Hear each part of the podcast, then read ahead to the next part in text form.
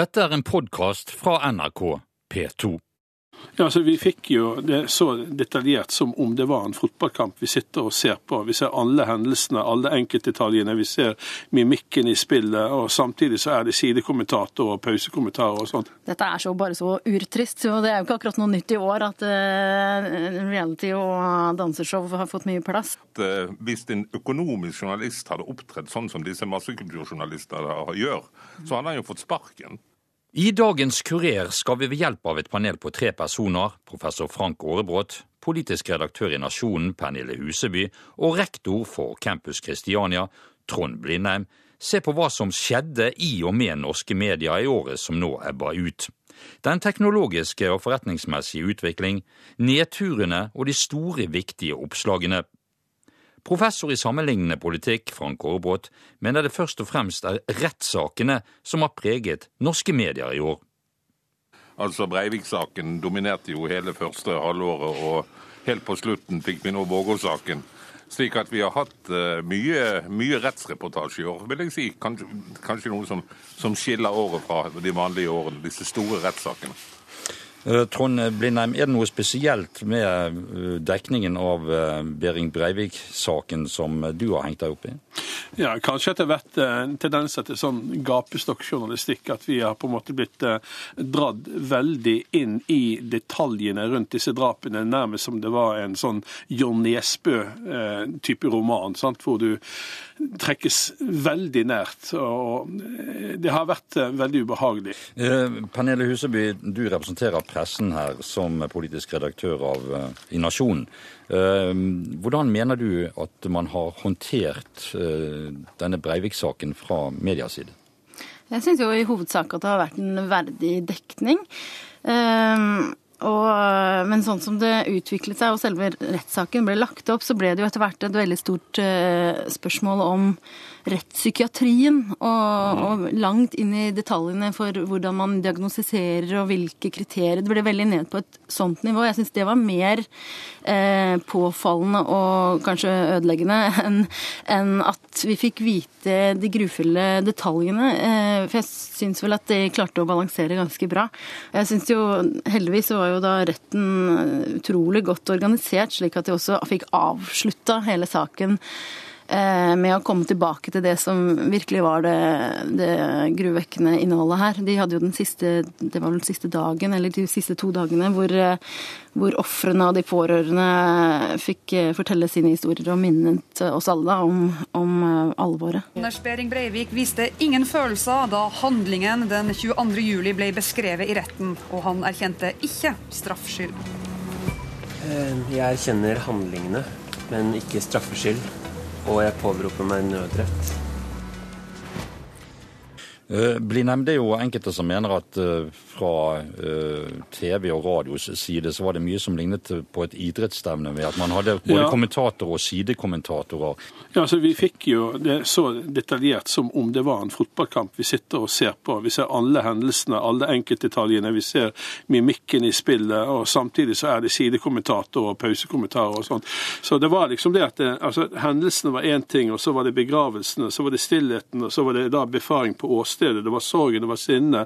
Altså, vi, vi, vi ble trukket inn i det nærmest som vi skulle være etterforskere. Sant? Vi var på åstedet. og eh, Det, det ble veldig pussig, det hele. Så jeg, jeg syns at verdighet eh, var det selvfølgelig også mye av, men altså det ble en sånn smørje av alt sammen. og Det er jo helt åpenbart at uh, denne saken også bidro til iallfall løssakspressens uh, salg. sant? Og Den har jo gått dårlig veldig lenge etter vi har fått disse uh, nye digitalavisene. da, så, så, jeg har liksom mistanke om at den nærheten i skildringene har vært liksom helt unødvendig. Man trenger ikke å bade i kloakk for å vite at det lukter vondt. Frank Kåre eh, er du enig med eh, Trond Blindheim? Nei, jeg er nok mer enig med at eh, stort sett, og hvem som skal ha æren for det, så syns nok vi, vi kom fra den saken med ære. Og jeg vil jo si at jeg er jo enig med at domstolens, og spesielt den ledende dommeren skal ha veldig stor grad av æren. Jeg syns aktørene kom ganske godt fra det, både forsvarer og aktor. og og, og de, de, andre bistandsadvokatene. Totalt sett var jo, var jo et ganske verdig rettssak, egentlig. Jeg, forstår, jeg ser jo Blindheims poeng, men eh, det er jo også, som det ble sagt her, at rettssaken fikk en underlig vridning, i og med at det var jo ingen som bestred faktum i saken. Eh, tiltalte hadde jo tilstått hva han hadde gjort. Det var jo ikke grunnlag for å betvile skyldspørsmålet. Slik at eh, hele rettssaken, og spesielt når vi fikk den underlige situasjonen at tiltalte ikke ønsket å bli psykiatrisk behandlet, men at aktoratet ønsket at han skulle få en mildere straff, det er jo på en måte litt underlig.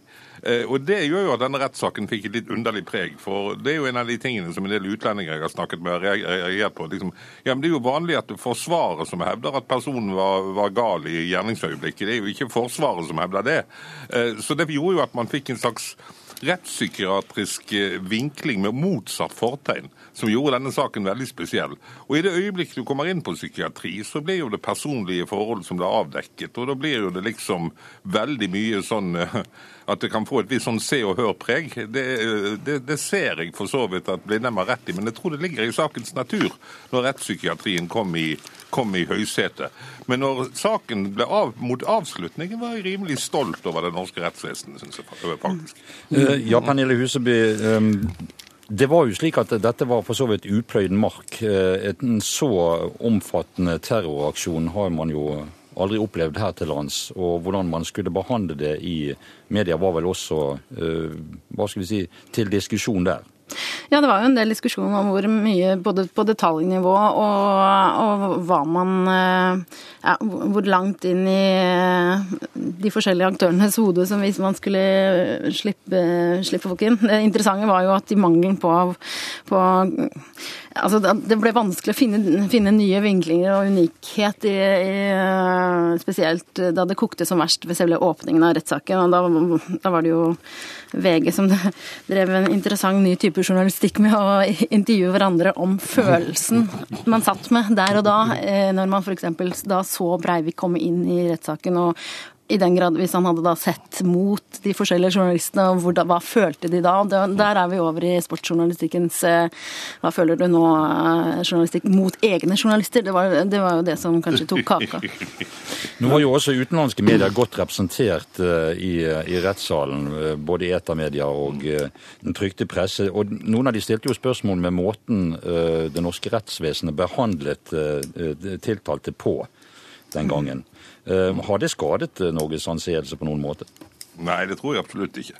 Altså, Jeg tror at uh, den forundringen de hadde ved at mannen fikk stille i dress, liksom, og ikke satt i, i oransje fangeuniform eller bak et bur, sånn som vi ser i italienske mafiarettssaker i, i, russiske rettssaler, det var nok noe som de syntes var litt rart. Men jeg tror egentlig at den verdigheten at, at liksom aktor håndhilste på tiltalte, det syns nok folk var rart. Men eh, jeg tror de syntes det var rart på en positiv måte. Jeg fikk inntrykk av at det var en spesielt negativ dekning i internasjonal presse. Det er mer en, en forundret dekning enn en negativ dekning. Ja, det jeg tenkte, eller det jeg savnet oppi det, særlig da når vi fikk utredet hvert enkelt av disse drapene på Utøya, det var egentlig at, eh, at vi skulle hatt en mer systemkritisk presse akkurat på den tiden og gått mer inn i det beredskapen vi har i Norge.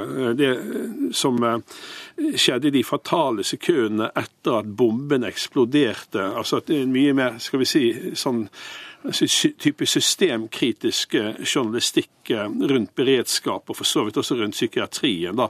For Vi lærte jo utrolig mye om, eh, om psykiatrien og hvor lite eksakt den vitenskapen er da, i, i dette. Det var, dette her dreide seg også om at den journalistikken som Blindheim etterlyser, den, eh, det, det, er mulig at den ikke var eh, god nok og ikke grundig nok og eh, ikke, ikke nok i dybden, men det skjedde jo faktisk da høsten 2011 var jo det Eh, i hvert fall tilløp til den type journalistikk. Mm. Eh, og så fikk vi jo nettopp Gjørv-kommisjonen eh, i tidlig høst.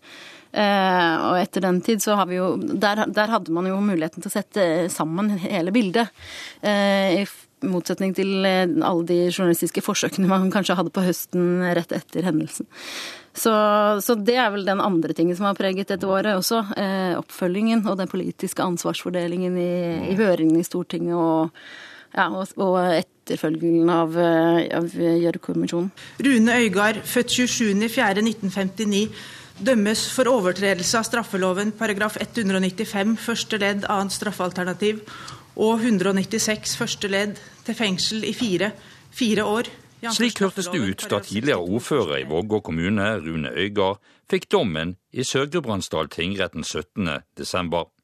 Dette er en sak blant flere som inneholder akkurat de ingrediensene tabloidpressen trives med, mener Trond Blindheim.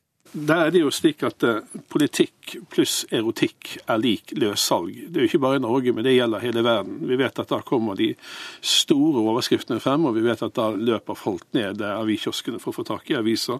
Og det gjelder ikke minst uh, den, altså fråtsingen i detaljer rundt denne Vågå-saken, som, mm. uh, som jeg syns var ja, Du ser de samme tendensene som var i Breivik-sangen. altså Veldig mye sånn grafsing i uh, veldig private detaljer, som jeg syns at påtalemakten og domstoler får være liksom de som graver seg ned i det. Men dette har liksom blitt løftet frem i mediene gang på gang. og Det har vært nesten sånn trusegløtt og bh-gløtt. altså det, det, det, det, ikke, Jeg syns ikke det er verdig journalistikk.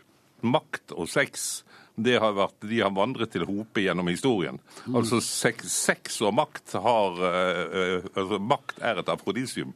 Mm. Og det er noe som uh, i, i, med moderne, moderne massemedier at politikere bør være ekstremt oppmerksom på. Ja. Men altså er det jo litt forskjell mellom Det høres så hyggelig ut når det er sex og makt, men, men, men når det er såpass Det er ikke bare aldersforskjell, det er jo i denne sammenhengen også faktisk et overgrep når det er mot mot lover og regler også. Ja, men Det er derfor makt er et problem.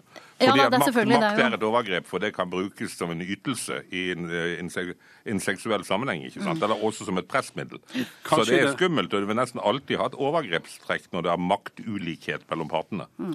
Men en skal jo også si at det er jo pressen som her har, har kjørt linjen. Partiene har jo stort sett vært veldig tilbakeholdne når andre partier har hatt sexskandaler, mm. i full vitende om at det kan ramme dem selv i neste uke. Men aller først, ta godt imot en av våre fremste langrennsskiidrettsutløpere. Her er regjerende verdenspetter på ski, mester Northug junior! Mine damer og herrer, det er finale i Skal vi danse 2012. Og til å lede oss gjennom den festaften, Katrine Moholt og Karsten Skjelbreid. Dette var utdrag fra TV Norges Asbjørn Brekke-show og TV 2s seersuksess gjennom flere år, Skal vi danse. Dette er programmer som gjennom de siste årene har hatt utallige oppslag i mange av avisenes kultursider. Et sted slikt stoff ikke hører hjemme, mener politisk redaktør i Nasjonen, Pernille Huseby.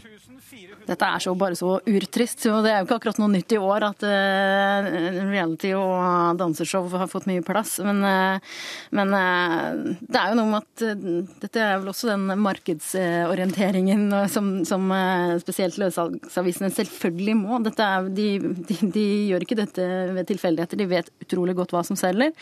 Og det er åpenbart at uh, dette selger, men, uh, men kvaliteten og, og, det er klart at kulturfeltet i Norge er så utrolig mye mer og mye mer som er viktig for flere enn akkurat hvem som vant en konkurranse på TV. Det En annen ting med det det er at mange av avisens kulturjournalister, eller skal vi si masse kulturjournalister, er nyttige idioter som løper TV-stasjonens markedsavdelings ærend uten at de blir stilt ansvar for det. For det, dette er jo noe som eh, TV-stasjonen er ekstremt opptatt av å få frem akkurat eh, bestemte personer, bestemte sider ved personer, mm. for så å få disse oppslagene i mediene for å få flere seere. For det, disse, disse TV-stasjonene er jo i markedet for å tjene penger. Pengene kommer først, og Pengene kommer bare hvis det er høyt ratede programmer mm. med mange seere. Da får de reklameinntekter. Og eh, ja, det, det, det er det som ligger bak at de fòre aviser med bilder og alt de mm. trenger ikke sant, for at de skal få disse oppslagene. Det er jo helt utrolig de kan komme på forsiden. altså gjennom hele den amerikanske valgkampen, som jeg fulgte veldig godt mm. med på i år, da, så forstyrret disse danseprogrammene og Farmen og alt mulig. For det var liksom de tingene som fikk hovedoppslagene i, i avisene, iallfall i, i digitale aviser. Mm. Det, var, det, var jo, det, er jo helt riktig, men det, det ble nevnt sida her altså at det er et uh, det er et problem at de, man på en måte Kulturen består av å nærmest være avskrivningsbyråer for markedsavdelingene i fjernsynskanalene for underholdningsprogrammer. Og det er jo et eh, det, det som slår meg, er jo nemlig hvor ulik normene er i ulik type journalistikk. Altså at eh, Hvis en økonomisk journalist hadde opptredd sånn som disse massekulturjournalistene gjør, så hadde han jo fått sparken. Eh, Det er jo altså utrolig for Musikkjournalistikken er kanskje det verste eh, når det gjelder å, å la seg kjøpe. Altså, eh, Det kunne jo vært litt artig om man hadde fått en slags fellesjournalistisk yrkesstandard for, eh, for hva som var eh, ren trav. Ja, Pernille Huseby, du sitter nærmest som et eh, gissel som redaktør av Nasjonen, selv om Nasjonen er vel kanskje ikke den avisen som slår disse tingene så veldig opp. Hva syns du? Jeg kan med stolthet si at vi altså. Jeg kan med stolthet si at vi ikke har hatt et eneste danse- eller Farmen-oppslag hos oss. Men, men nei, det føles litt ubehagelig å sitte og være, være talsmann for den hele og fulle presse i, i akkurat denne på kulturdekningssaken. For jeg mener at eh, nei, det er på en måte helt greit når, hvis det publiseres på nett og folk kan oppsøke det selv, og her kan jo egentlig bare legge ut pressemeldinger rett, altså eh, stæsje det opp rett fra disse kanalene og produsentene. Eh, Så det er jo utrolig gratis journalistikk, og det er kanskje der de hører hjemme. at liksom, La den å gå på det der det er gratis på nettet, og så for, eh, for eh, journalistene som faktisk skal få en årslønn, at de må gjøre en litt litt viktigere jobb. Det liksom, men, men, eh, men her, her er jo løssalgsavisen Men er ikke det litt sånn at i, i nøden spiser fanden fluer? Vi vet at det går veldig dårlig med en del regionsaviser, og selvfølgelig også i store løssalgspressene går det veldig dårlig med når det gjelder reklameinntekter. Så, det, det har også vært veldig mye oppslag rundt eh, medieøkonomi i år. Og, det, det er jo helt åpenbart at eh, journalistikken har liksom forandret seg veldig. fordi at du har fått en sånn døgnfluejournalistikk nå. at det, Hvorfor skal jeg kjøpe papirutgaven når jeg får nye nyheter eh, hvert femte minutt i disse digitale utgavene, disse nettavisene?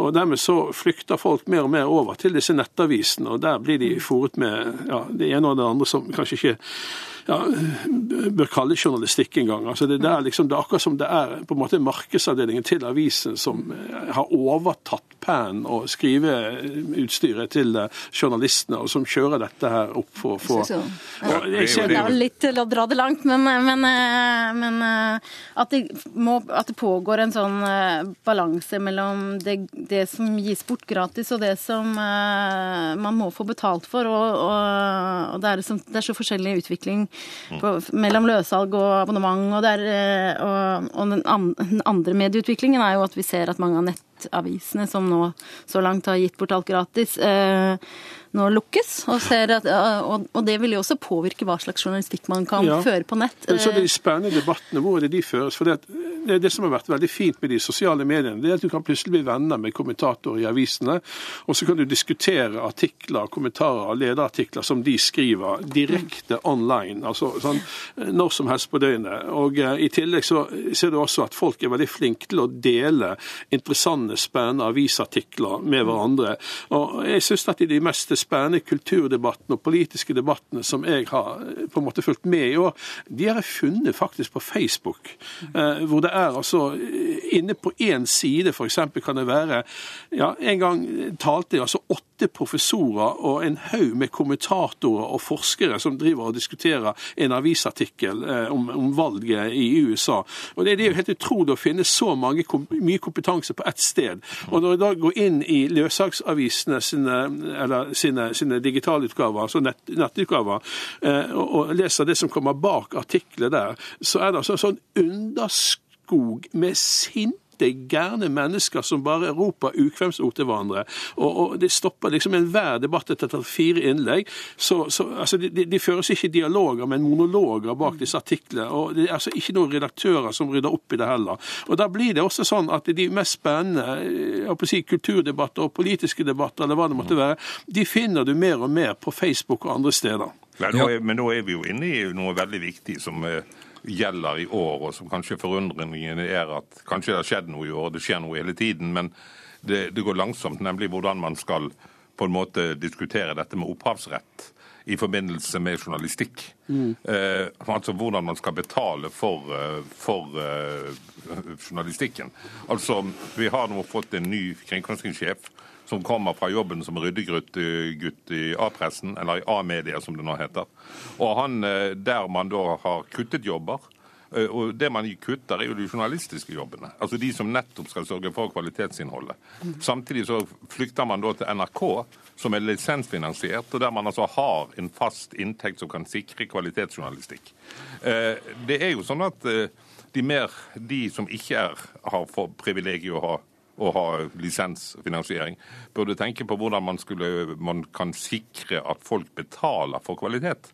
Og, og det slår jo meg at en avis som Dagbladet, selv om de kjører eh, eh, sykdom og skitt og lort på førstesiden, så kunne man jo da tenke seg at Dagbladet hadde hatt en nettutgave der de som abonnerte på Dagbladet, fikk tilgang til eh, kulturdiskusjoner. Altså at man hadde lukket deler av nettutgaven som nettopp gjorde at de som betalte for abonnementet, fikk være med og debattere der. Nå er du inne på, på det som eh, har skjedd mye nå i den siste, spesielt dette rundt Skipsteds aviser, eh, nummer én-avisene i distriktene, som, eh, der det er manneflukt og kvinneflukt, holdt jeg på å si, fra de redaksjonelle stillingene.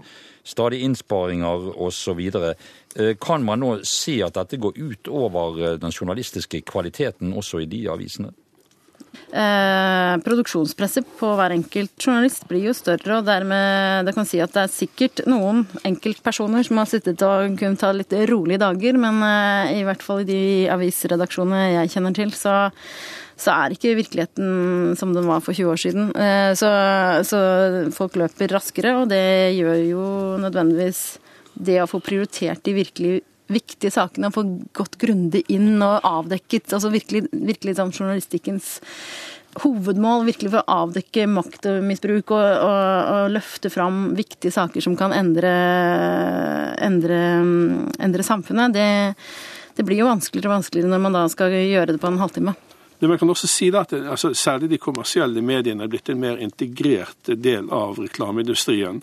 Altså Hvis du bare tar f.eks. en avis som Bergens Tidende, så de har vel en omsetning jeg tipper på mellom 700 og eh, 900 millioner hvert eneste år bare på reklame. og sånn. Og, og Når de i tillegg kvitter seg med, med journalister, og, og det redaksjonelle produktet blir, blir tynnere og tynnere, ikke bare den avisen, men flere aviser, også Aftenposten har kvittet seg med mange journalister, rundt 100, har hørt, så blir det sånn at, eh, at hver tredje eller hver fjerde ytring du finner i en avis, er blitt en reklameytring. Og det er ikke bra. Er det noe dere ser frem til eller tror kommer til å skje i året som kommer, altså i 2013? Ja, altså Jeg tror nok en utvikling fortsetter i, i retning av at eh, folk kommer til å bruke digitale medier. Men jeg vil jo minne om at det mediet vi sitter i her, det er ikke så mange år siden at det var dømt til undergang for en 20 år siden. og Vi brukte uttrykket dampradioen for å fremstille det som at radioen hørte hjemme sammen med damp, dampmaskinen. Men jeg ser jo ikke annet enn at radioen faktisk har humpet og gått og overlevd ganske bra.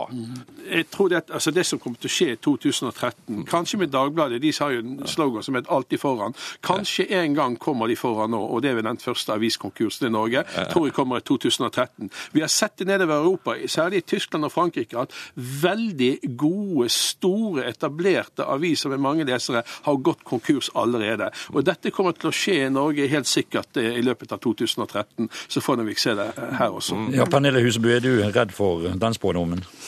Ja, ja, jeg er jo det. Eh, Jeg vil jo håpe at neste år vil gi oss mer avklaring av støtteordningene og hvordan liksom, rammevilkårene framover. ja, For det vil jo bety litt for hvordan vi faktisk legger opp løpene både for de forskjellige mediehusene. Eh, Og selvfølgelig også, det føler jeg er absolutt årebrått i, at, eh, at betalingsviljen må opp. At man på en måte, og dermed må jo også vi tilby kvalitetsjournalistikk som folk er interessert i, og som, som, som, eh, som oppleves viktig nok til å betale for. Eh, hvis ikke så, så blir det ikke så mye å lese etter hvert.